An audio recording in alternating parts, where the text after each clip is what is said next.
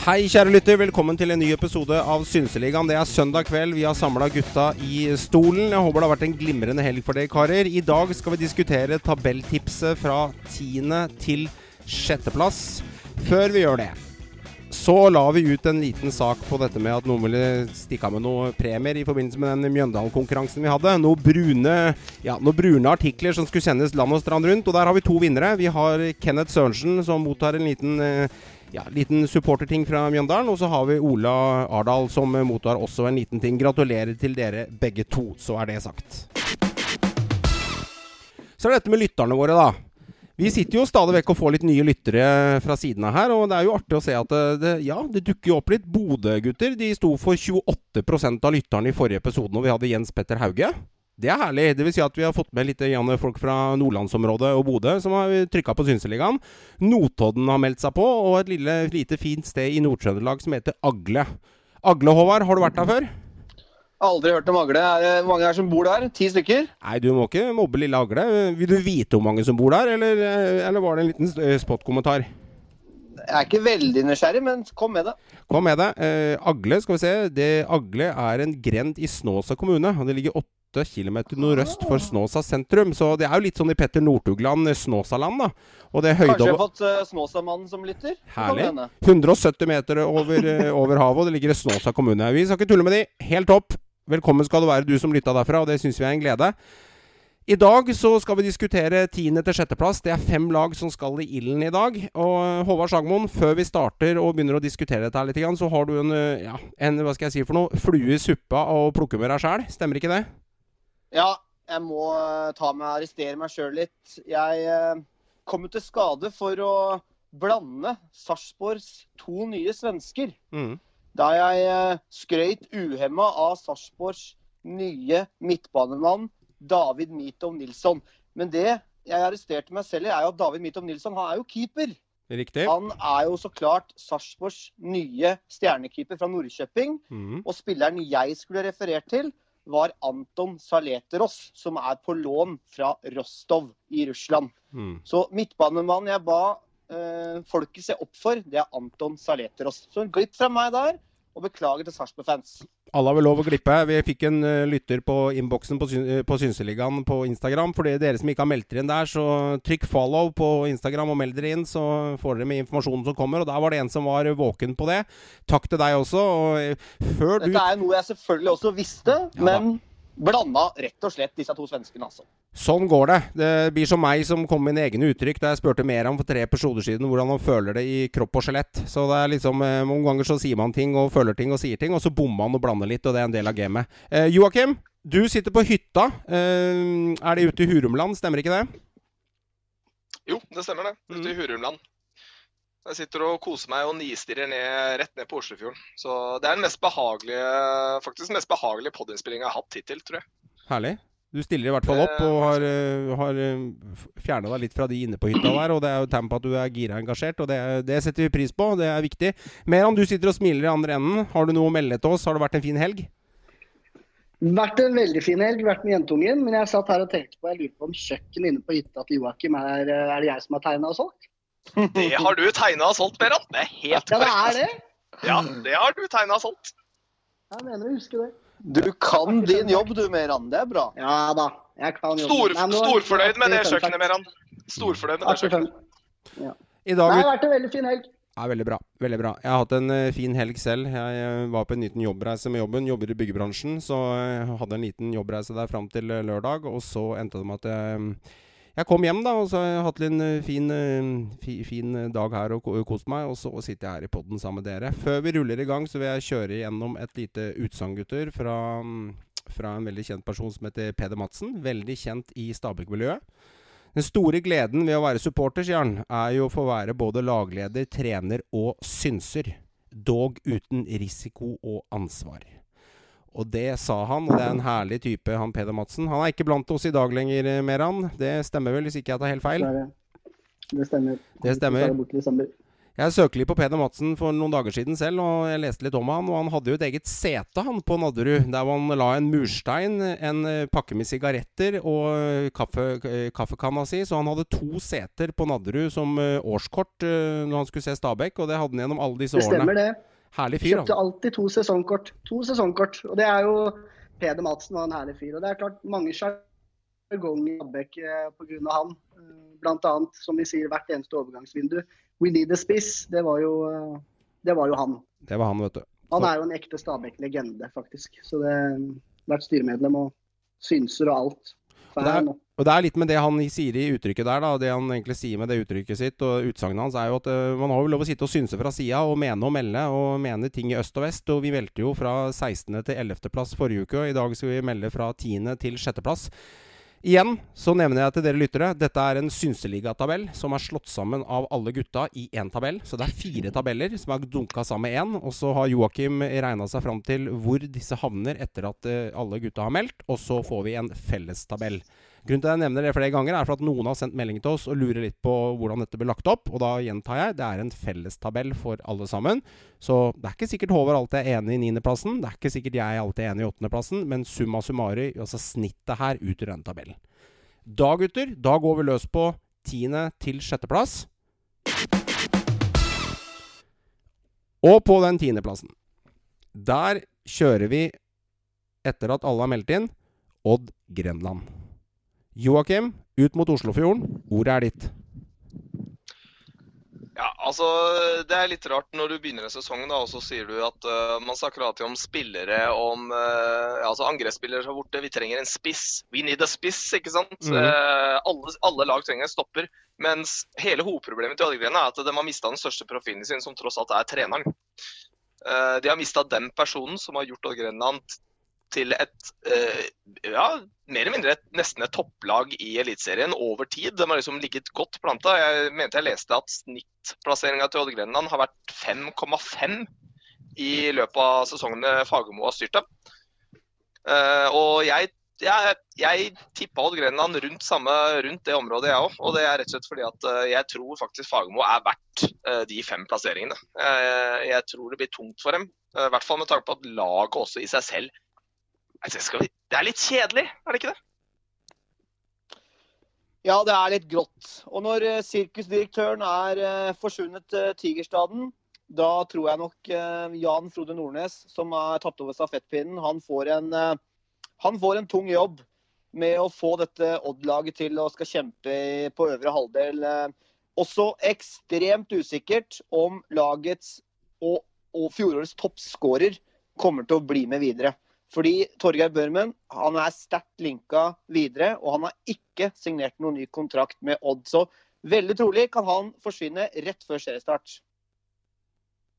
Ja, jeg ser den, Håvard. Jeg er enig med deg der. at uh, Det er en risiko at de faktisk kan stå til seriestart uten Børven.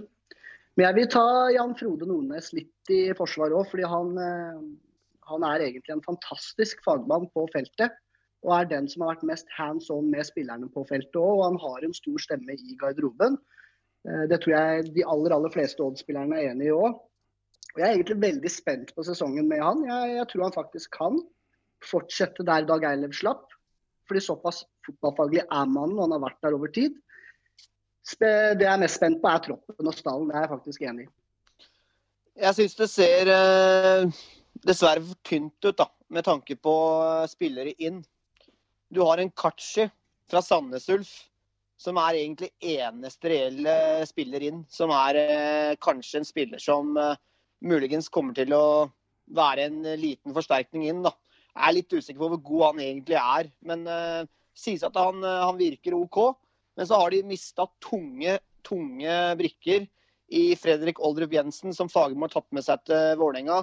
De har mista en eh, Philip de Laveres, som var meget friskt pust på høsten, som forsvant til Vitesse.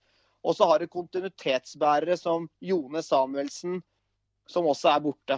Uh, jeg syns at uh, Oddsdalen, og med tanke på som jeg nevnte med Børven også, at han er på vei bort, da står du igjen med en Tobias Lauritzen som spiss, som nesten ikke har skåret i det hele tatt. Jeg syns det, det, ser rett og slett for tynt ut for Odd. Du tippet jo um, Odd Håvard på en spot on tiendeplass, og Joakim var jo rett over deg. Så dere får jo ganske summa summaru det, det snittet som Synseligaen legger de på, ut fra deres to tips. Så um, du er vel fornøyd med at vi legger dem der, kanskje? Ettersom det var ganske spot on, Håvard, de tips? Ja, som sagt. Det er fortsatt gode spillere i Odd, men uh, jeg tror at de får en uh, kraftig nedgang. Liksom, Odd har liksom vært nestenlaget i så mange år og vært på en måte med oppe i toppen eh, lenge, men ikke på en måte klart å nå helt opp. De har hatt mye gode årganger. I tillegg så har de et aldrende lag. De har eh, Forsvarsrekka bak er eh, alle sammen godt over 30, bortsett fra Birk Risa. Du har en Nordkvelde som begynner å dra på åra. Du har flere spillere der som, som, ja, som er over toppen, da, i mitt, i i mitt syn. Så, og så har du ikke klart å få inn gode forsterkninger. Jeg er helt enig med Håvard. og det som er litt av hovedpoenget også som, altså Odd var et av de lagene som alle var ganske enige om at kom til å ha litt trøbbel i år og kom til å gjøre det dårligere. Det var, veldig, det var ikke en av de lagene vi var uenige om. Vi var ganske enige om at de kom til å havne på nedre halvdel av tabellen. Eh, det eneste jeg ser som en mulighet, er rett og slett at Ørven gjør akkurat det samme. Blir og gjør det samme som i fjor, putter par og 20 mål, da sier det seg selv at Odd har Da havner de høyere på tabellen. Fordi har du en spiss som putter 20 mål, så havner du på øvre del. Så enkelt er det bare. Ja, eh, for min egen del så har jeg puttet Odd på sjetteplass. Og Meran er jo helt nede på en tolvte der, så vi spriker jo enormt. Og så ligger Joakim og Håvard litt i midtsjiktet på en tiende-ellevteplass, og dere treffer spot on på snittet, gutter. Men jeg kan jo forsvare litt at jeg mener at vi havner på en sjetteplass. da At jeg har lagt dem så høyt, for jeg ligger overraskende høyt på Odd. Litt av grunnen til jeg tror det Jeg ser den med Børven, at han kan allerede være ferdig etter en måned eller to. Har han motivasjon til å egentlig dra i land uh, så mye skåringer til? Og er, er, er, ligger det i han med tanke på at han egentlig vil bort? Og det kontraktforslaget som Odd har forespeila for han, det virker jo som 4000 og en termos. Det virker ikke egentlig som han er så interessert. Men det er et men. Det er såpass mange andre lag i denne, denne ligaen her, denne jojo-ligaen, eh, som det er så mye usikkerhet rundt. Spillestil. Odd har en veldig klar spillestil på hvor de vil hen. De er litt som Bodø-Glimt. De vet, vet nøyaktig åssen de har lyst til å spille, og de viker sjelden. Og det tror jeg blir en seier i årets sesong, at du ikke viker på det, for kampene kommer tett. De har rutinerte spillere. Du har et godt forsvar. Du har Risa, du har Hagen, du har Ruud. Sem også. Ja, Bjørntoft er spennende, han unge, men det er et tynt forsvar, for det har ikke en bra bredde der. Jeg tror Ashani og Nordkveldet får litt blomstring igjen, og du har en Kitulano som er spennende. Spissen er det det står på. Så Grunnen til at jeg la de høyt, er pga. spillestilen og at de har mye rutinerte spillere. Så jeg tror det er litt virsa versa. Det går litt motsatt av det dere mener, at det er aldrende. Så jeg tror de, de kommer til å beholde det og gå litt høyere. Men Synseligaen melder de på tiende. Personlig så melder jeg dem litt høyere. Hadde du en innlegg der, Håvard? Jo, jeg hører hva du sier. Jeg er bare, Dessverre så tror jeg ikke det holder. Jeg syns at bredden til Odd også den, eh, den, ser tynn ut. Eh, får de noen noe skader, f.eks. For i forsvarsrekka der, så, så, ser det veldig tynt ut, syns jeg. Mm. Du har, eh, du har, som sagt en Ruud. Han har vært god i mange mange år, men han eh, nærmer seg jo Han er vel en 37 snart. Eh, som sagt, Steffen Hagen litt temposvakt bak der også, med, med Hagen og Sven Berge. Du har en solid keeper i Rossbakk som for så vidt også vil bort, men ikke blir solgt. Ikke kommet inn noe ordentlig bud på han. Men Markus Kaasa og en Kitolano mulig at de kan ta steg når de får kanskje tillit sentralt når en Oldrup er borte. Du har også en Vebjørn Hoff der, som er spennende. Det er en mm. god spiller. Mm. Som sannsynligvis kommer til å gå inn og spille i Oldrup-rollen som, som, dypt på, på anker der. Altså, for, fordelen med Nordnes, da, han kjenner jo kulturen. Han har jo vært med på alle åra under Fagermo. Han, han veit jo hva dette dreier seg om. Det er 4-3-3, det er Odd-fotball. Men uh, dessverre, så forhold sin del, jeg syns det ser for tynt ut. Det som er litt kjipt og bra med Hoff, er jo at uh, ved å putte Hoff ned i den dype, så mister de egentlig to spillere der. Fordi han var ganske god offensiv i bindeleddet mot angrep i fjor. Men han må ta over rollen til Oldrup, så uh, de må jo på en måte erstatte en i mellomrommet her også. Noe også, um, noe også godeste Børven påpekte i poden vår for en par måneder siden. Så de har måttet miste to roller der og erstattet den. Så ja, det er usikkerheter rundt det. Jeg er litt spent på deg, Meran. Um, jeg ligger jo ganske høyt på Odd, men du ligger ganske lavt på dem. Du, de toucher jo nesten helt ned i bunnen på, de, på din, uh, ditt tabelltips. Uh, hvor, er ja. det, hvor, er, hvor, er kniven dem fra din side, siden du er så skeptisk? Nei, Jeg syns, uh, jeg syns Håvard oppsummerte veldig godt. Men jeg tenker også nå når kampene kommer såpass tett på, hvordan de skal klare å mestre den logistikken. Mm. Det klarer ikke jeg å se. Jeg har absolutt trua på Nordnes, som sagt. Jeg, han er en, jeg tror han kommer til å bli en vidunderlig trener. Og han er på hugget også i intervjuer. Jeg syns han er veldig fin der. Mm. Men uh, jeg, jeg, har ikke helt trua på den stallen og troppen i år. Det er uh, jeg, jeg, ser det bare ikke. En, annen, en, annen, en annen ankepunkt jeg har, det er også at hvis Børven blir, da, hvis han blir værende noen måneder jeg tror aldri i verden han kommer til å levere som han gjorde i fjor. Det har han aldri gjort på norsk nivå før. Han har aldri skåret så mye mål. Det er en spiller som, som, eh, som gjerne kanskje ligger nesten under ti. Kanskje bikka ti, over ti mål noen få ganger. Så jeg, eh, Han hadde en vanvittig flyt i fjor, og han kommer aldri i verden til å få en sånn sesong igjen. Det tror jeg ikke. Og jeg tror også han kommer til å forsvinne ganske hurtig. Hmm. Ja, det er vanskelig. Um, men, men, klart, hvis vi skal ta fra noen punkter her da, vi, vi, melder gutta på en tiendeplass, Odd Grenland. Og hvis vi ser på en tiendeplass, så er jo ikke det liksom Det er ikke topp, det er ikke bunn. Det er bare grisekjedelig midt på. Men hvis vi tar, nå har vi hørt liksom det som er negativt. Hvis vi tar det som er positivt, da De har jo grunnspillet sitt. Det er jo et, det er jo typisk Odd Grenland-grunnspill der som, som, ligger i bunn. Det er jo en fordel. så Man slipper å begynne å famle og styre og holde på. Nordnes vet litt hvor man skal hen med laget, og han har gått gradene under Fagermo. Og Da må jeg komme med et spørsmål, og Joakim, du kan få det. Kan det være en fordel å fjerne Fagermo, som har vært den største stjerna? Er det en fordel eller er det en ulempe, slik at nå er det spillerne med Risa og gjengen der som må stå fram? Eh, hva tenker du rundt det? Nei, det tror jeg ikke. Jeg tror ikke det er en fordel å miste Fagermo i det hele tatt. Jeg tror det er fordi du må huske på det, Han som har fått fram hele den der troppen til Odd, er kommet fram uh, gjennom Fagermo. Altså, det, det, han har lagd hele laget. Han har lagd hele spillestilen. Altså, Alt er Fagermo. Mm. Eh, før Fagermo kom inn i Odd, så var jo Odd var de jo en, så å si ingenting. Mm. Eh, de hadde vel så vidt kara seg opp i Eliteserien, hvis ikke han tok over dem i Obos. Det er jeg litt usikker på akkurat nå. Men eh, enten så hadde de så vidt kommet seg inn, eller så tok han over dem mens de var i Obos og bygde egentlig hele klubben fra bånn. Så nei, det er ikke noe fordel å miste Fagermo. På ingen måte, og i hvert fall ikke foran en sesong som dette her. Mm, ja. mm. Hva heter de nå egentlig? Er det Odd Grenland? Odd? Odd ballklubb? Hva heter de nå? Odd. Odds. De heter Odd. Odds. De heter Odd. Nei, de bytta igjen. Odds? Odds yes. Grenland? Odds BK. Nei, ikke Grenland. Odds bare Odds BK. BK. Ja. Ballklubb. De skifter jo hele tida. Ja da, men ja. Uh, da blir det Odds eller Odd uh, ballklubb eller Odd BK, kall det hva du vil. Jeg tror folk skjønner hvor vi vil hen. Men vi kaller dem Odd Grenland. Ok. Min, men, min, Odds går ikke på Odds. Det er greit. Men uh, hvis du ser på det han har prestert, da. Jeg skjønner at Fagermo er en høy stjerne. Kanskje høy stjerne for at han har på en måte vært lenge med og lagd det grunnspillet der, og en karakter via TV-ruta også. Men ser du de siste ti sesongene som han har styrt denne klubben, da, så står det med to bronsemedaljer.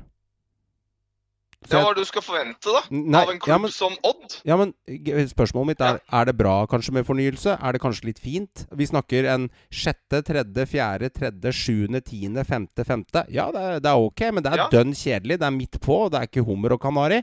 Og man snakker jo hele tiden om utvikling av spillere. og ja, jeg skjønner at utvikling av spillere og produsere talenta sjøl og hei og hå, men det er to bronsemedaljer på ti år. Det er liksom ikke all verden. Nei, det er ikke all verden. Som jeg sier, Odd er eh, nestenklubben. Og Nettopp. i år så har de en svakere stall enn de har hatt på mange år. Mm. I tillegg har de mista sirkusdirektøren, og så er det assistenten som har tatt pinnen videre. Som sagt er assistenten. Han kommer ikke utenfra heller. Kommer ikke med masse nye ideer.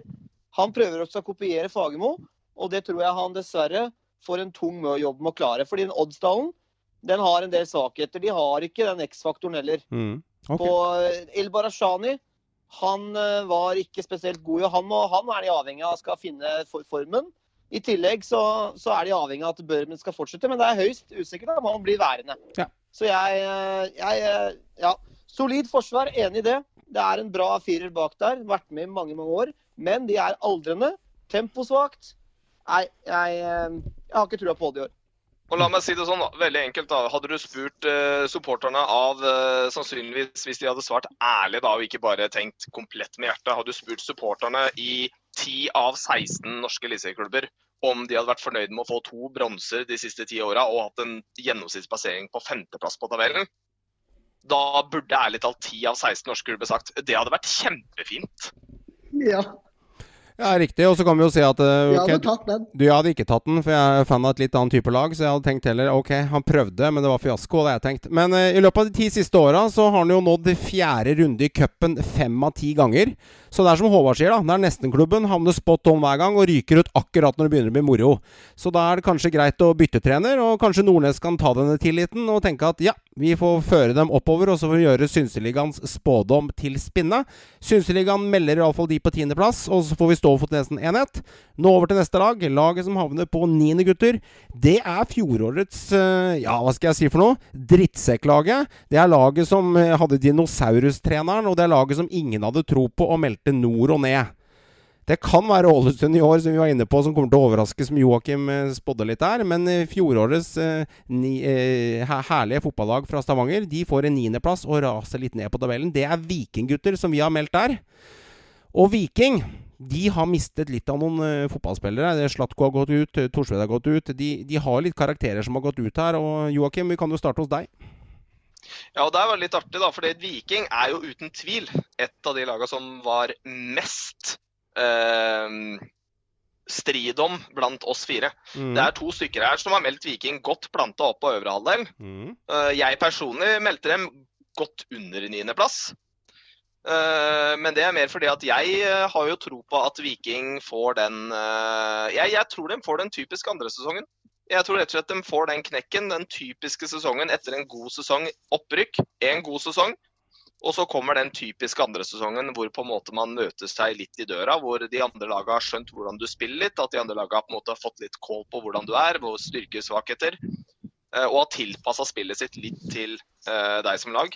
Så jeg tror Viking kommer til å slite i år. Uh, nå har jeg ikke min tabell helt i hodet, men jeg er ganske sikker på at det var lenger ned niendeplass, hvor jeg putta Viking. Jeg har den, Joakim, og vi kan jo ta det litt sånn gledens greie der. Du har meldt dem 16, 15, 14. Du har meldt dem på en 13.-plass. Og Johan, altså Krog som prater nå, har meldt dem på en 12. Vi er ganske enige der. Men så yes. kommer det som er litt artig. Meran, du har dunka Viking opp på en femte.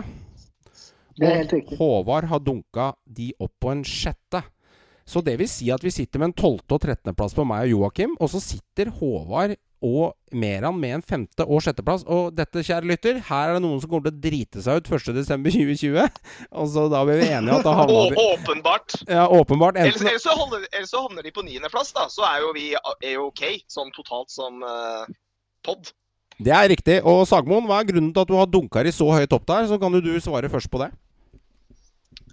Altså Viking ble jo nesten av samtlige eksperter tippa rett ned igjen i fjor. Og de eh, endte jo med en eh, kjempesesong med både fjerdeplass og cupgull. Så det er et lag som virkelig eh, viste ekspertene at de tok feil. Og Jokke Jønsson må jo fortsatt ta en tatovering der han eh, må få en vikingtatovering der, tapt veddemål.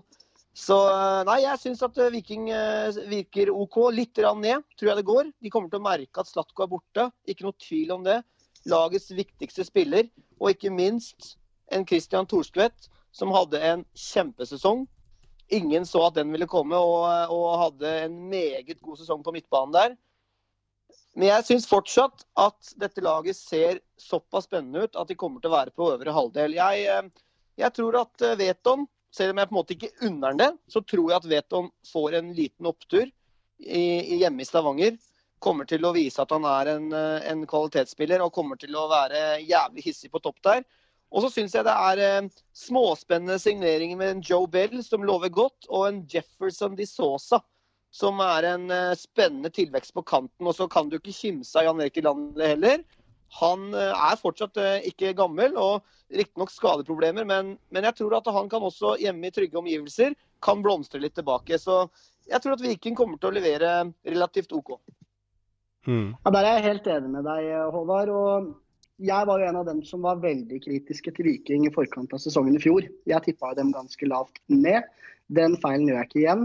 Jeg var en av dem som også var litt kritiske til Berntsen. Den feilen gjør jeg ikke igjen. Eh, jeg tror Viking fortsetter der de slapp i fjor. Ja, de kommer til å merke tapet av Slatko, men jeg tror andre kommer til å ta opp den stafettpinnen der. Samme med Torstvedt. Jeg heller unner ikke vet om Berisha noen ting, men, og jeg tror heller ikke han kommer til å gjøre det bra. Jeg tror Tommy Høiland kommer til å gjøre en ekstremt god sesong for Viking på toppjobb.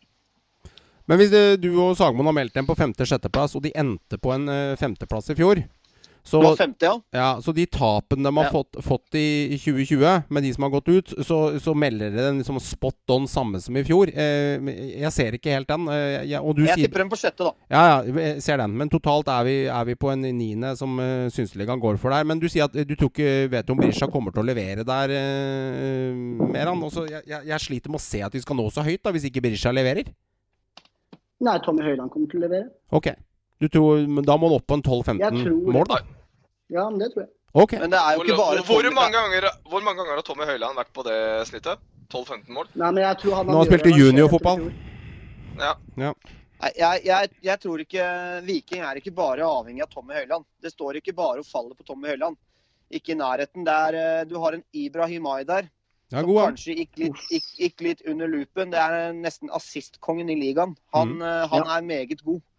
Og så har du eh, også forsvarsrekka der med faktisk med med han eh, Herregud, da, nå sto det stille. Han eh, som var i Brann. Eh, som hadde en meget god sesong, faktisk. Som Omskolert som fra stopper. Vevatnet. Viljar Vevatnet, ja. Som også faktisk fikk veldig mye skryt. Du har en, en Salte som, som har vært god. Jeg tror også at en Arild Østbø tilbake der kan være en grei Som kan dytte uh, Iven Austbø enda mer riktig. Vi får bra keeperkonkurranse. Og så har du faktisk også da, en som kanskje kommer ut av det blå. En Sebastian Sebulonsen. Som var henta fra lokal klubb Sola. Skårte to mål mot Sandnes Ulf i fjor. Kommer fra intet. Viking er gode til å hente de lokale spillerne og gi dem tillit. Noe de viste i fjor med opprykket. Som sagt, et lag som har tippa nord og ned. Kom masse nye unge spillere, lokale spillere som gjorde kjempesesong. Så eh, jeg sier ikke at Viking kommer til å slåss om medaljer, men jeg tipper dem ikke på nedre halvdel. Jeg tror også det som er Viking sin eneste sjanse, er liksom, hva vi kalte for drittsekkelaget i fjor. Er ikke det vi ble mm. enige om når vi starta nå nettopp? Mm. Og jeg, de har, det, det, er liksom, det, er det de har. da. Det er det jeg ser i Viking. Det er stort sett det, altså det er den fighterviljen. De har de spillerne, de der litt drittsekkspillerne. Og det sier vi i alt positiv forstand. Drittsekkspillere. Spillere som er villige til å gjøre hva som helst for å få en avgjørelse som bikker favøren over i deres lag. Og det er det, mm. der, De har den muligheten ennå, det tror jeg. Men jeg, jeg, tror andre lag er mer var på det. Jeg tror andre lag er mer klar over det. Og jeg tror eh, andre lag frykter det mindre og er litt mer på angående Viking i år. Jeg tror ikke de har mulighet til å overraske som i fjor. og derfor tror jeg at eh, jeg tror de kommer til å slite. Eh, det tror jeg. Jeg tror de kommer til å ha en tung sesong på mange områder. Det var, det var, heller ikke en eh, salte jeg skulle egentlig trekke fram. Jeg skulle trekke fram en Adrian Pereira, selvfølgelig. Som er oh, kanskje Er det en, er det en ny, ny, feil allerede nå, Håvard? Nei, nei, nei, nei. Jeg, jeg, jeg, jeg, vil heller velge å trekke fram en Adrian Salte er jo for så vidt OK, men jeg vil trekke fram en mer spennende bekk i Adrian Pereira. Som mm. kanskje er blant de mer spennende bekkene vi har i landet. Eh, på venstre bekk. Offensiv, internasjonal eh, backtype som eh, også hadde noen herlige skåringer. Så nei, jeg syns at Så får de også tilbake islendingen sin bak der, som var borte i hele fjor. Som var sjefen i Forsvaret når de tok opprykket. Så nei, jeg syns Viking ser OK ut. Og så har de den fighting spiriten da, som de er kjent for. Og virkelig trøkke til og er jævlig å møte. Og det, det blir ekstremt viktig for Viking å holde det oppe. Ja, Dette er jo laget som spriker mest. Ja, Joakim har jo dømt dem ganske langt ned. Og du og Meran har jo kjørt dem ganske langt opp. Så snittet her er jo den niendeplassen som det, til ender med. Jeg sliter med å se spillere som skal gå litt i vinden her eh, og trøkke til. Jeg. jeg sliter med å se ledere her som skal skaffe de poengene. Det er mye snille gutter her. Vevatnet, Pereira, Bjørnskjold, Unnan Hovde. Det, det, er, det, er, mye her, da. Islendingen, ja, Håvard. Ibrahimay var god. Torsteinbø snakker folk er litt undervurdert. Pitici, ja. Han er det. Torsteinbø er undervurdert. Ja, mange mener det har vært meldt i en pod tidligere at han er undervurdert, for han kan spille fryktelig altså. mange roller. Det kan godt hende. Eh, Berisha Veldig anvendelig spiller. Ja, men jeg tror, det, jeg tror ingen spisser her scorer over ti mål. Det er det ene. Og så tror jeg ikke de har drittsekker nok til å kunne dra i land de kampene de vant 2-1 og 3-2 i fjor. De kommer de til å misse i år. Folk er altså, mer klar over dem. Det er ikke mange lag som har mer drittsekker enn Viking eh, fortsatt. Ja, men, ja, men hør nå. Hør nå. Resonnementet mitt går ut på at hvis du er klar over at de er det, så blir litt brodden tatt ut av det òg. Ja. Fordi at da vet Nei. du at Ja, det mener jeg. Så kan folk mene hva de vil. Det er det som er litt av synsegreia med det. Jeg tror det er litt for mange snille gutter i døra, og derfor tror jeg at de faller litt sammen. Det er hva jeg mener. Og det kan hende jeg bommer, så, men niendeplassen står vi for som team. Men jeg tror de får det mye røffere. Meran, vær så god. Alle visste jo at de var drittsekker i fjor òg. De holdt jo på sånn hele forbanna fjoråret. Men ingen klarte å stoppe dem. Og det tror jeg ikke de gjør heller i år. Mm. Det er utfordringen. Ja. Min, tanke der er, min tanke der er omvendt. for det, det, er to andre lag som man kan eh, klassifisere på der. For det er to andre lag jeg vil trekke en veldig god parallell til der. Det er Sandnes Ulf og Hønefoss. Og de opplevde det samme. De hadde sesongen første delene gikk veldig bra. Og de spilte drittsekkfotball, og de hadde drittsekker. Det er faktisk et par av de samme drittsekkene, faktisk. Det er litt artig. Men uh, det er liksom litt av det samme, da. Plutselig begynte folk å få kål på dem, og plutselig begynte folk å klarte å ta dem litt. Og da begynte lagene å slite voldsomt. Og så er det en faktor til nå. Ja, jeg er enig med Joakim. For tar du uh, Torsvedt og Slatko De gutta sto for et uh, par og 30 målpoeng i fjor. Altså, vi snakker mye målpoeng, og for at du skal klare å hamle opp med de målpoenga det, Ja, noen må overta de for å kunne klare å hente en femte-sjetteplass. Det skjer ikke. Da dunker de fort ned på niende-tiende, og der har Synseligaen plassert dem òg, så Nei, dette blir spennende. Det er andre som må ta over stafettpinnen, og det tror jeg de har uh, spillere som er kapable til å gjøre. Og så må andre stå fram. Mulig at, uh, at uh, det blir et lite knepp ned fra, fra, fra i fjor. Det, det, er godt mulig, men jeg tror de er kapable til å, til å være, være, litt med der oppe i år òg. Da er vi uenige, men det er en del av det. Så får vi se hvem som får rett til slutt. Det, hvem vet, gutter?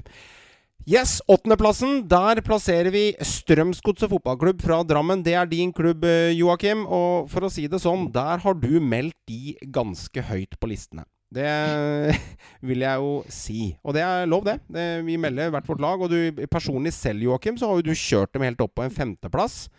Håvard har dunka dem litt lenger ned, men snittet her blir denne åttendeplassen. Og der ligger eh, Johan og Meran ganske, ganske spot on. Men pga. litt høy plassering der, så ender de på en åttende. Joakim, du kan jo starte med ditt kjære godset. Altså jeg vil starte med, altså, Poenget er at du er jo supporter av en grunn. Altså Jeg går ikke inn i en sesong med pessimistisk holdning. Nei, nei. Uh, og, men uh, sett altså litt med, altså Poenget er her, her i, sånn som det har vært med godset veldig mange år. Uh, det handler litt om klaff. Det handler om at ting skal funke. Det handler om at man får flyt, og at ting begynner å rulle. Får de det tidlig i sesongen, så føler jeg at min femteplassering er vel innen rekkevidde. Men de trenger flyt. Fjorårs Sesongen ble avslutta på en helt, uh, for meg, en fenomenal måte. Altså måten de spilte på, måten klubben ble drevet på. Um, Henrik Pedersen, så enkelt er det bare. Henrik Pedersen det er mannen som han bør kunne gjenreise i gode ikke, ikke, til gull og sølv nødvendigvis med det første. Det, jeg, jeg, er ikke såpass, jeg er ikke såpass uh, blind. Men uh, å kunne etablere dem litt høyere på tabellen, det tror jeg er helt innafor. Eh, jeg liker laget. Eh, jeg føler meg forsterka stort sett alle delene av laget som eh, jeg følte det var behov for å forsterke. Det virker veldig spennende. Nå har jeg hatt et par treningskamper nå, og min nye, nesten allerede nye favorittspiller, Janis, og så gidder jeg ikke å uttale etternavnet engang. Jeg bare kaller han Janis, og så bare la vi Ikauniux, ja. Så ja. lar vi det. Ikaunix på meg, altså. Derfor, der, derfor uttaler ikke jeg det navnet. Nei. Men uh, Janis putta to mål allerede. Jeg, jeg, jeg, det virker veldig godt da. det virker som at Pedersen vet hva han driver med. Og laget har fått en klar identitet igjen. De har fått en klar spillestil igjen. De vet hva de skal gjøre. Gegenpress, full fart. De skal styre kampen. De skal være mer utholdende enn alle andre lag. Jeg mm. har, eh, jeg har rett og slett eh, Nei, jeg har troa på Godsjord. Jeg har det. Jeg tror dette kan bli veldig bra.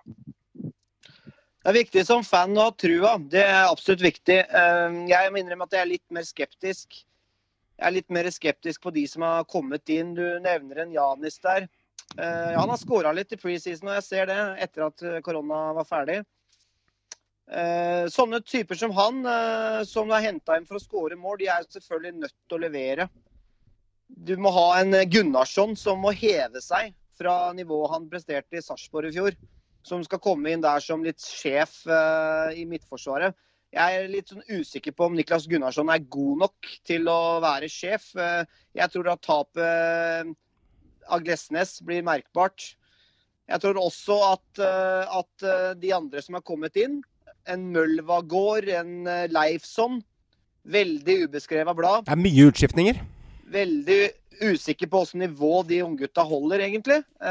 Men, men som du sier, Henrik Pedersen han er en meget dedikert, spennende trener som kjører gutta knallhardt. Og de er jævlig avhengig av at Lars Jørgen Salvesen, Moses Mava fortsetter der de slapp i fjor. For det er en uh, giftig duo på topp. Grunnen til at jeg kjørte godset på niende selv, jeg er ganske spot on hva Synseligaen kjørte. Åttende er det svaret vi gir til dem, men jeg la det ganske, la det ganske likt der, Joakim. Jeg er mye enig i det du sier. Eh, jeg lener meg litt mot at jeg Altså, Mendy er ute resten av sesongen. Uh, Chamba er fram til sommeren, og um, godeste Ipalipo Jack er kanskje fram til sommeren. Mulig fornya de. Bredden i denne troppen er ikke enorm. Og, um, og forsvarssjef i dette laget her tror jeg at jeg setter på samme linje som Brann. Uh, litt grann med at jeg sliter med å se hvem som skal være den store kongen i Midtforsvaret. Mulig Leifsson er spennende islendingen. Mulig Gunnarsson må ta opp to steps, som Håvard sier. Men det er veldig mye mulig i den sentrallinja. Når det er sagt, så er, har de Maigård, som har en veldig god fot. Tokstad kan få en fin sesong. Det er mye spennende på midten der. I Kauniex, som vi snakket om, har jo egentlig vist deg ferdig en liten målskårervinter som var inne på her, i forhold til at latvisk fotball er liksom ikke all verden. Og det er ikke blitt henta vilt mange fra Eliteserien i tippeligametida som har levert fra Latvia, men klart det virker som han kan være spennende. Hovedårsaken For jeg er egentlig litt skeptisk til laget deres, men grunnen til at jeg legger dem såpass høyt sjøl, og er enig i denne åttendeplassen, det er to ting. Det er treneren. Jeg har klokketro på treneren. Jeg har ikke troa på at godset kommer inn i gegenpress så fort som han vil, for det er krevende. Men jeg har troa på at han bygger noe med godset over tid. Og så er det én faktor til.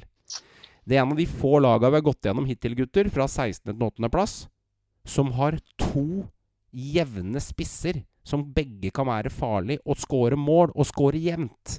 Veldig mange av de lagene vi har gått gjennom, har gjerne én å lene seg på. Gjerne én som skal skåre 10-12 mål. Godset er sånn Salvesen kan ende på 10, men da skårer Mava 8. Altså, de, altså, det er ikke mange som har et par da, som på en måte er veldig jevnspilte. Og det er grunnen til at jeg legger Godset så høyt som jeg gjør. Mm. Ja, og det, det, er litt Altså, jeg er jo helt enig, men det er jo veldig typisk gods i et nøtteskall. Altså det defensive til godset det ville alltid være et eller annet å sette et lite, lite spørsmålstegn ved. fordi det er jo der de legger uh, hovedtyngden sin. Det har egentlig aldri vært de siste ti sesongene de har spilt. Mm. Men så lenge det offensive til godset funker, og hvis han får det til å funke på den måten han ønsker, så vil lag, som du så i, i fjor høst òg, lag vil ha mer enn nok med å hanskes med det godset driver med offensivt. Og det var sånn vi vant seriegull. Det er sånn vi vant cupen, det er sånn vi vant uh, seriesølv. Det var at vi gjorde at lag hadde nok å hanskes med offensivt.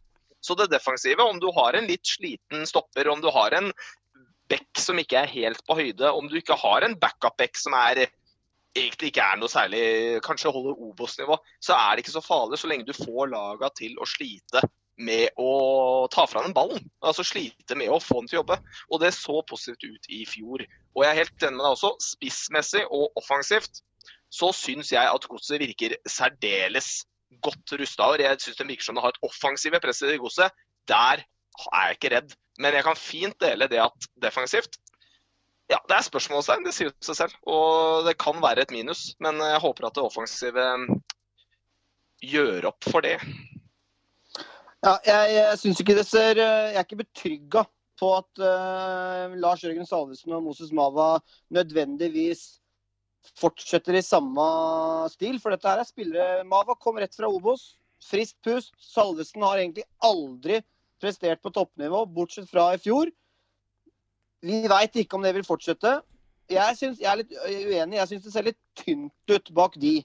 For vi vet ikke mye om en Mølvagård. Janis ja, han har putta litt, men han har kommet fra latvisk fotball. Mm. Han ble henta til Metz for noen år siden, falt helt igjennom, sendt tilbake til latvisk fotball. Har ikke på en måte fått det til noe annet sted enn i Latvia. Kanskje en grunn til at han havner i godset nå. Ja, ja. Men, eh, men, eh, men, bevares. Godt mulig at eh, det holder med, med Salvesen og Mava. Det er to. Og Tokstad fikk jo faktisk også da, en oppblomstring i fjor. Og var god på, på høyre, høyre kanten. Men jeg er også skeptisk på bekkene deres. Prosper Mendy ute hele sesongen. Veldig bra henting i fjor, som kom fra pizzabaking i Spania i lavere divisjoner. Kjempegod venstreback.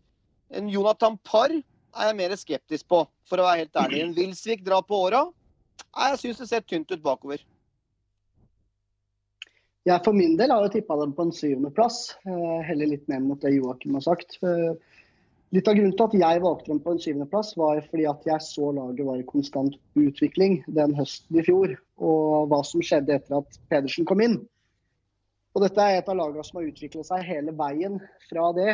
Og jeg tenker at de kommer til å fortsette med den utviklingen og fortsette med den spillestilen. Og det er vanskelig å, vanskelig å slå godset når de er på sitt beste med den spillestilen nå. Så jeg tror eh, Godset vil fortsette sin utvikling. Og Pedersen vil fortsette med å få ut sitt budskap til spillerne sine. Jeg tror Godset kommer til å blomstre i år. Jeg har også et spørsmål til uh, keeperplassen, for å være helt ærlig. Det har alltid vært liksom akilles for Godset de siste åra. Nå er det Morten Sætra, Viljar Myra. To keepere som dessverre ikke har uh, fått det helt ut. Henta en rutinert Martin Hansen med en kjempe-CV i fjor. Han var også ustabil. Eh, rusten ja, mye tabber òg. Han har to-tre tabber der. Mye tabber, rusten når han kom inn. Men han, han har vel gått ut nå? Har ja, han, han, er ute. Han er ute, ja. De sitter igjen med Myra og Sætra.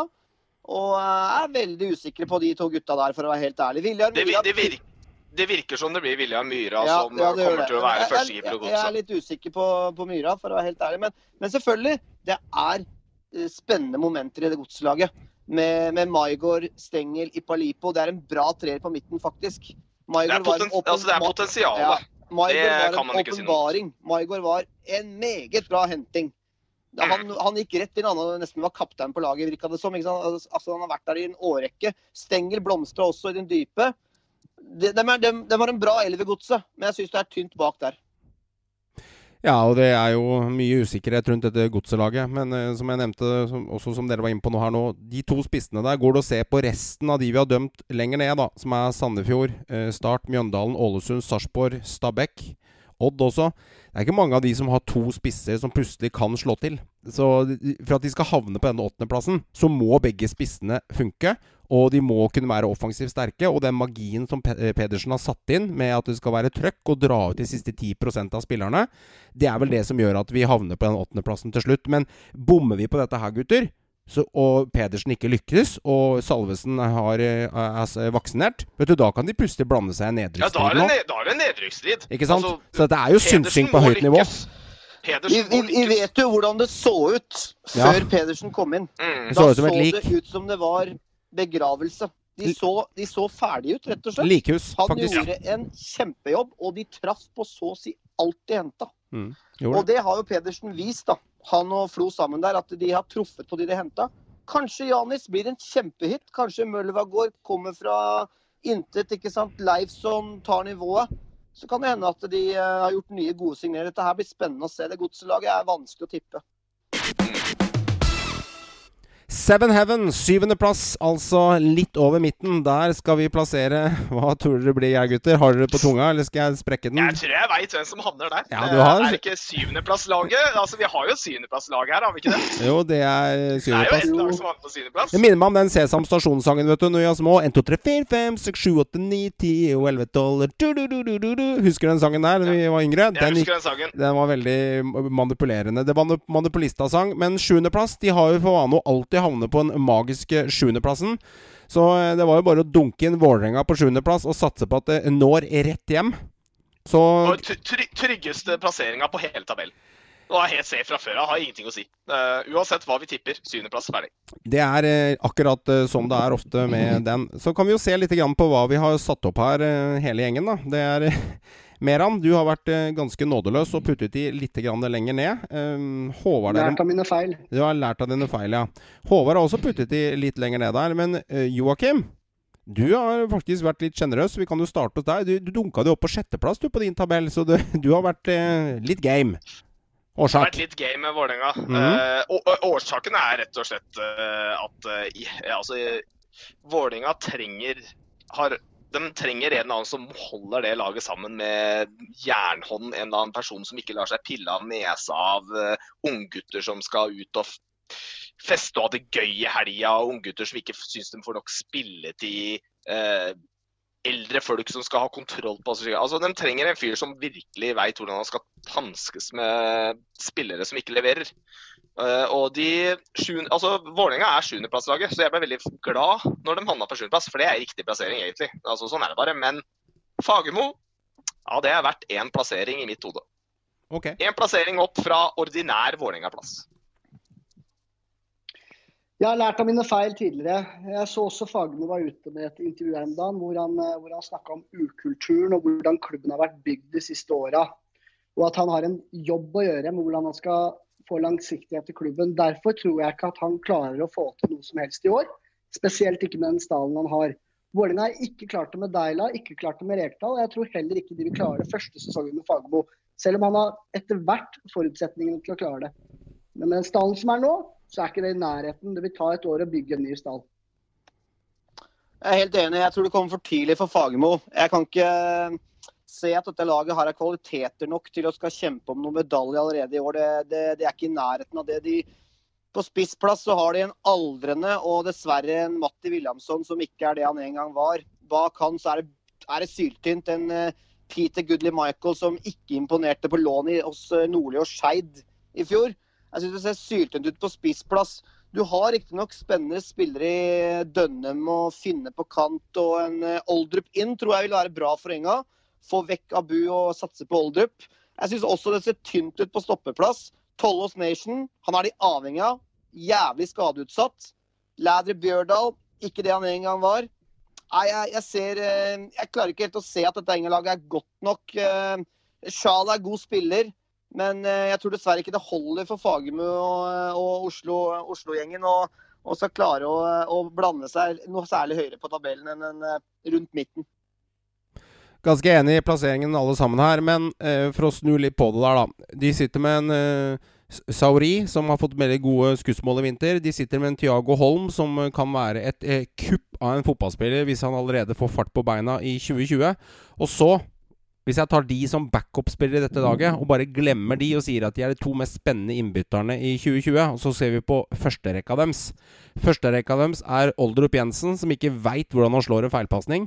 Vi snakker om en Sjala. Det er en meget solid forsterkning. Vi snakker om Sjala. Vi snakker om Dønnum, som er eh, det største salgsobjektet i 2020 for dem. Og så snakker vi om en Finne som kan finne tilbake til vanlig form. Og Vega er litt urokråke fra sida der.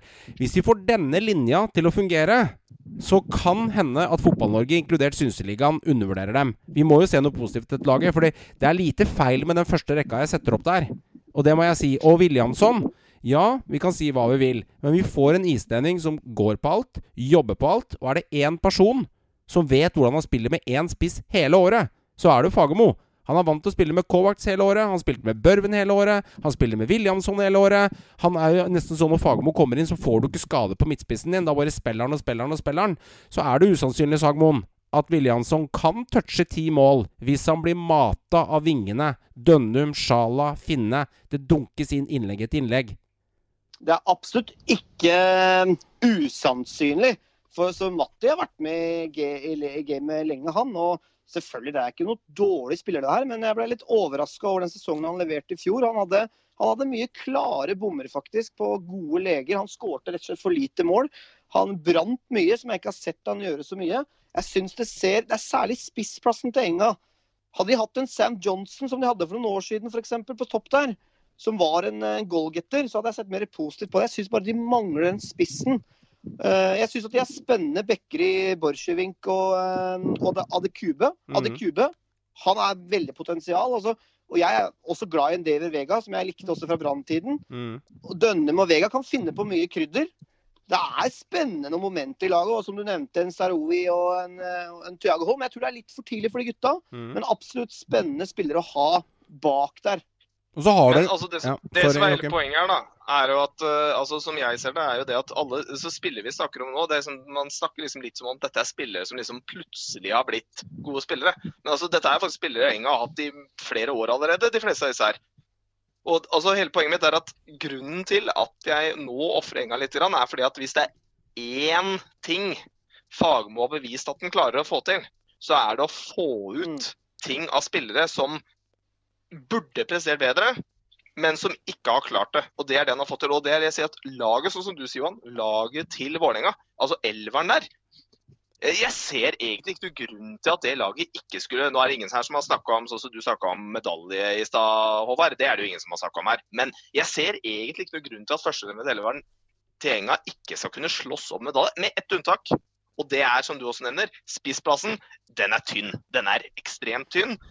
Men alt som skjer bak på den midtbanen der, der er det så mye gode spillere og så mye spennende spillere at eh, ja, jeg, jeg, jeg, jeg, tror Fagermo klarer å få det laget opp og gå.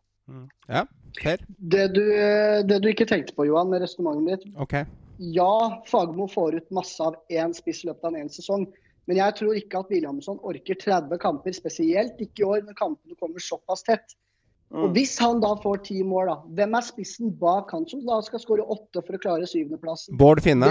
Bård Finne kan ta den plassen. Ja, det er nok Goodley Michael som er tenkt som en backup. Mm. Finne er nok mer kant. Ja, jeg ser den, men, men, jeg skjønner. Men det er noe som heter overgangsvindu i sommer. Der kan det kanskje en drar opp ja. noe av hatten der. Og hvis du ser på bredden på midtbanen, Meran, for å forsvare Vålerenga litt eh, Vi kan begynne å telle spillere som kan gå rett inn her, da. Finne, Dønnum, Sjala, Lekven, Oldrup, Vega. Kamara er spennende som innbytter. Eh, Tiago Holm, Sauri. Vi snakker om ni spillere som skal bekle fire-fem plasser. De har en, ganske, de har en god bredde. De er ikke skal, helt ja. Skal ikke glemme en Felix Horn Myhre heller, som er god spiller faktisk eh, bak der. Så, eh, Nei, de har litt, altså. Det, det, det, som jeg liker litt av Enga, da, de har fått rydda opp mye daukjøtt. Det syns jeg er bra. Ja. De har kvitta seg med mye litt sånn daukjøttspillere der, som en uh, Israelsson, en uh, Asemi jeg sendte Stabæk, som aldri fikk det til i Enga. Fella er ute. Efrain Juarez ble med Deila til uh, New York. Nakkim er ute. De har fått rydda opp i stallen. De har sultne unggutter som er spennende. Det er ikke noe tvil om. Ikke sant? Det er kvaliteter, men jeg bare tror det ikke holder til å ta opp kampen med de store i år. Men jeg tror at Fagermo på sikt, hvis han får hele Oslo og, og, klubben til å dra i samme retning, så kan Fagermo gjøre Enga til en toppklubb. Det tror jeg. Men i år er det for tidlig, tror jeg. Enig. Enig. I år er det for tidlig, tror du. Og så er det vel alltid sånn at det er ingen som har lyst til å tippe Vålerenga så veldig mye høyere, for statistisk så er det en uh, syvendeplass. Og så er det opp til Fagermo i år å sørge for at uh, vi tar feil, alle mann. Nå skal vi opp til en uh, sjetteplass. Det er dagens siste lag. Sagmoen, jeg er veldig spent på å høre med deg eh, årsaken til at, eh, at, eh, Haugesund, som vi har lagt på en sjetteplass, du valgte å legge dem litt lenger ned der. og Vi kan jo starte med deg som faktisk var mest skeptisk i gruppa her. Kjør. Det kan godt hende at jeg bommer der. Haugesund Det er mye bra med, med Haugesund. Jeg syns at det er spennende spillere på topp der. Ikke minst når du får tilbake en Waji, som sikkert er ekstremt sulten en Benjamin Kjellmann som fikk opp dampen eh, etter at han eh, kom til Viking i fjor. Han har vært inne, skåret bl.a. to mål mot Brann nå nylig. Du har en Amitsbøl med ekstrem fart. Du har også en, eh, en midtbanetrio der med Leite, Våge Nilsen Altså, det er mye bra i Haugesund, men jeg syns det er så jævlig tett, altså. Så det er mm. vanskelig på en måte å plassere de. Men det kan godt hende at Haugesund kommer betraktelig høyere enn at ja, jeg har tippa. Men nå har vi jo landa på dette her sammen da, på en, eh, en eh, sjuendeplass, var det, nei, sjetteplass var det vel? De er på sjetteplass, ja. Eh, ja. Så kanskje vi treffer på det, da. Kanskje vi treffer på la oss, det. La, la, oss ikke glemme at de var Norges beste dekk. ok.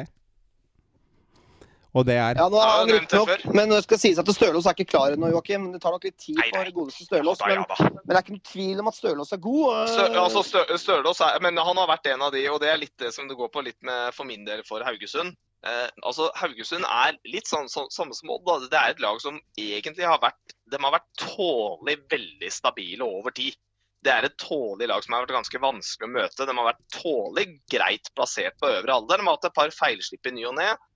Eh, men altså det, Haugesund for meg, det er litt rart å si det, egentlig har blitt liksom et sånn lag som skal ligge på øvre tabell for meg. Jeg, jeg føler at det laget hører til der. De, det er sjelden de har de der feilslippa sine og havner veldig langt ned. Mm. De kan havne på sjuende enn åttende, men, men, de, og de havner veldig sjelden. De havner ikke over fjerde. Så enkelt er det bare. De er ikke så gode. Men akkurat den der sånn rundt sjetteplass, det er liksom der Haugesund ligger. Altså Det er der den skal ligge. Det er et lag som går litt under radaren, da. Det, det er jo ikke noe tvil om det. De får liksom jobbe i fred der. De blir ikke pesa av media og jobber i ro og mak, liksom. Det, vært, det var oppstyr der rundt seriestart når Horneland uh, var på vei bort. Ellers er det for å jobbe i fred Haugesund. Er ikke så mange som bryr seg så ekstremt, selv om det for så vidt er trøkk på stadion fra den lokale fansen. Men nei, Haugesund for meg nesten det vanskeligste laget å tippe. Altså, det kan uh... Altså, det blir femte til tiendeplass et sted. Det er et eller annet ja. sted mellom der. Det, jeg syns, jeg syns de har spennende spillere, men Martin Samuelsen er borte. Han var god for dem i fjor. Litt vanskelig å erstatte. Waji, vi veit ikke åssen eh, stand han er i. Kanskje det tar tid, ikke sant? Han, han, han har vært borte lenge. Kjellmann var litt opp og ned. Fikk opp dampen på slutten, riktignok, men jeg er litt sånn usikker på hvor mye mål det er i han, da også. Meran, du er, sitter, ja. der, sitter, der, og blomstrer og ser vakker ut. Dine tanker om uh, Haugesund? Jeg skal innrømme at jeg sleit veldig med Haugesund. Og jeg er glad for at vi henter på en sjetteplass. For personlig måtte jeg sette dem på niende. Og det angrer jeg litt på. Okay. Jeg, eh, det er litt det gutta sier, at de får alltid lov til å jobbe i det stille. Og så må vi ikke glemme at uh, Grindheim fikk mye ut av lite i fjor, når de hadde såpass mange spillere ute. Og de holdt nesten på å slå ut PSV, så det må vi faktisk ikke glemme. Men uh, Jo, det glemmer jeg. jeg, jeg er ikke opptatt av sånne enkeltkamper, hvem de holdt på å slå ut. Nei, nei, men, det blir litt sånn for meg. Nei, nei, men du må huske på den tiden de holdt nesten på å slå dem ut. Og ja, de klarte faen meg å stille lag. Ja, og han fikk ganske mye ut av lite i fjor. Og nå har de en sterkere stopp, eh, tropp og en sterkere stall, føler jeg. Man står i bredde òg, med mange tilbake skal ikke se bort fra at de faktisk havner på den sjetteplassen heller, mener jeg. Altså. Ja, det er seige. Altså, så, så, så, du sier du skal ikke se bort fra enkeltkamper, men det handler litt om mer han sier, da. Det er litt med det at vi snakker ikke om enkeltkamper, men vi snakker da om Grindhaug. Altså, vi snakker om Ja, så mista Hornland, så kommer Grindhaug tilbake igjen. Mm. Og så det er jo mister Haugesund. Altså, ja. Dette er jo herr Haugesund. altså Dette er fyren som uh, det er litt samme som, Nesten det nærmeste du kommer Fagermo da, i Eliteserien, mm. det er Grindhaug i Haugesund. Og hvis det er én mm. som klarer å få mye ut av ja, få mye ut av lite, får mye ut av nesten ingenting, så er det Jostein Grindhaug. Og så har de faktisk fortsatt uh, gamle, gode Grindhaug òg, som fortsatt klarer å holde nivået, faktisk. Og er en viktig spiller. Tatt ny sesong. Men jeg må innrømme at jeg er imponert over stopperne til Haugesund. Der har de mye å velge blant. Du har en Pallesen Knutsen, du har en Ulrik Fredriksen som er henta fra Sogndal, som skal være et kjempetalent. Du har en Karamoko som er, uh, er tilbake. Du har en Tidemann Hansen Altså, du har mye å velge med. Du har en Desle på høyre bekk. Du har Stølås. Altså, du har en del solid altså, i Haugesund. Det er eh, vanskelig lag å spå. Altså, det er eh, Leite, og han ble brukt på indreløper. Åpenbaring i fjor. Gjen, nå gjentar dere selv tre ganger her på uh, ja, vi ja. må jo snakke om laget her. Det, Ikke minst en veldig greia. god keeper òg. Ja, ja. ja Sandvik. Jeg synes det er det veldig stabile defensivt. Lag å uh, tippe, altså. Rett og slett. Ja. Jeg liker godt at uh, Ulrik Fredriksen fra Sogndal, Pallesen Knutsen og Stølås er uh, Synseligavenner og følger oss. Og alle sammen lytter ivrig, og det er herlig. Så hele forsvarsrekka til Haugesund er jo on spot med Synseligaen, og det er moro.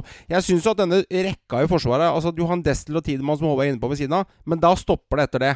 Altså, det de, de, kan hende forsvarsrekka er litt tynn med tanke på en lang sesong, så det kan være et ankepunkt mot Haugesund. Det er det merkeligste du har sagt hele dag, for det er vel ingen som har større dekning bak enn Haugesund. Ja, nei, ikke... Fire stoppere. Ja men, ja, men, ja, ja, men du sitter med én, to, tre, fire, fem, seks eh, forsvarsspillere i laget. Og det vil si at da sliter det på ett sted, da, og det er en av bekkene. Altså, det vil si, et eller annet sted vil problemet komme hvis det kommer skader.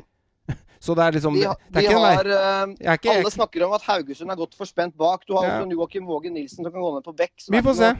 Vi får se når sesongen kommer. Altså, altså Forsvarsrekka til Haugesund er jeg ikke redd for. Jeg er heller spent på Ja, men Håvard, Håvard Stølås er ikke friskmeldt ennå. Pallesen Knutsen hadde en halv sesong i fjor, og han var skada. Og han sleit litt med skader. Vi men hvis ikke... du har hørt om en uh, Tore Andersen og Destler, som hadde to kjempesesonger på bekkene i fjor, så ja, men da må er jeg levere... bekymra for Forsvaret. Ja, men da må de levere det i år òg. Og så må du sørge for at Stølås kommer tilbake i riktig tid. Og så må Pallesen holde seg frisk. Det er mye om og men og hvis. For det er, ikke det er det på mange lag. Ja, ja. Men jeg, ja, men jeg melder det. Så at ikke jeg følger med på det, blir helt feil å si. Når de ikke sitter med X. De har ikke nok dekning, mener jeg, da. De burde hatt litt mer. Det mener jeg. Så får vi se. Jeg, mener, jo, jeg mener allment. Jeg mener at defensivt så er kanskje ja, Haugesund hittil det laget som er tryggest bekledd av alle lagene vi har gått gjennom. De har, men det, er ikke, det, er ikke, defensivt. Det, nei, det, det men offensivt så er det mye mer, mye mer, usikkert på Haugesund, i min mening. Der kan det være litt uh, tungt. Dette blir spennende. Waji kommer tilbake den 19. juli, og da har vi spilt en uh, ja, 11-12 eliteseriekamper. Det er jo en tredjedel av sesongen som ender rett i Drammenselva her, så ja Kjellmann Tjube han har jo skåra litt i førstedivisjon. Det er det han kan. Så det er jo litt utropstegn offensivt der òg, som dere sier. Men jeg syns midtbanen, enig med dere, den er fin. Shuaibu han er jo Obos-kongen nå, så han blir nok sendt tilbake til lån på eh, Kongsvinger eller et eller annet. Jeg tror ikke det er han som skal spille så mye der. Men det er nok eh, Kjellmann, Amitsbøl, eh, Waji når han kommer tilbake, og ikke minst Kristoffer Welde. Så det tror jeg nok er de som kommer til å kjempe om plassen. Mm. Eh, hvis vi ser bort fra Waji her, gutter, eh, er det noen som har lyst til å tørre å melde hvem som blir den store spilleren i 2020? I, i Haugesund? Ja, hvem, tar, hvem, hvem, skal skyte dem til den sjetteplassen? Det er noen som må tre fram her for at vi skal få rett. Bruno Leite. Okay. Bruno Leite. Mm. Sagmoen, hva tenker ja, du? Jeg, jeg syns eh, toppnivået på Kristoffer Welde er eh, veldig spennende. Ustabil, men eh, han har et ekstremt høyt toppnivå. Mm. Han må bare bli mer stabil. Han har, han har spennende ferdigheter. Jeg spår uh, Kjellmann, jeg. Jeg spår at faktisk han uh, går litt under radaren. Og sju millioner på Fantasy også for han som spiss. Jeg tror han kan skåre fort en åtte-ni mål og bli ganske bra før Wadje kommer tilbake. Det er min spådom. Uh, han har vært litt avskrevet, og folk sier at han ikke har nok mål i seg. Jeg tror det slår Virsa Versa, så jeg tror faktisk han kan nette en åtte-ti mål i år. Det er min spådom. Det kan godt hende. Det kan godt hende. For min, for min del så syns jeg at altså, kollektivet Haugesund og førsteelveren Haugesund uh, det er så mye målpoeng i ikke, altså Nå har de et lite ankepunkt. Da, at Stølås nå ennå ikke er, altså er ikke friskmeldt til seriestart, sannsynligvis, og vil bruke tid på å komme tilbake igjen. Uh, det er et, men det er mye målpoeng poeng på veldig mange posisjoner hos Haugesund. Ja. Så jeg tror kollektivt Haugesund er alltid vanskelig å slå, og de kommer til å bli vanskelig å slå i år òg. Jeg føler ofte Haugesund henter spillere under radaren. De som spillere mm. som er avskrevet. Sånn som Tidemann Hansen Desler, litt sånn avslitt av Danmark. Får en oppsving når de kommer til, til Norge, og vil satsa på, ikke sant. Selman Kjellmann også, som du nevner. Kan godt hende det er et kjempekjøp. Amitsbøl kommer fra dansk liga litt under radaren. Det kan godt hende at Haugesund treffer. Det er mulig. Godt hende de treffer. Vi legger dem i hvert fall opp på en uh, sjetteplass der. Det blir spennende, gutter. Uh, det var disse lagene vi meldte i dag. Da ble det Odd Grenland 10., Viking 9., Godset 8., Vålerenga klassisk syvendeplass, og Haugesund karer til seg så vidt foran en sjetteplass på tabellen. Håper du får en glimrende uke, kjære lytter. Vi slipper femte til førsteplass neste helg. I mellomtiden, kos deg masse. Ta vare på deg selv. Stay safe.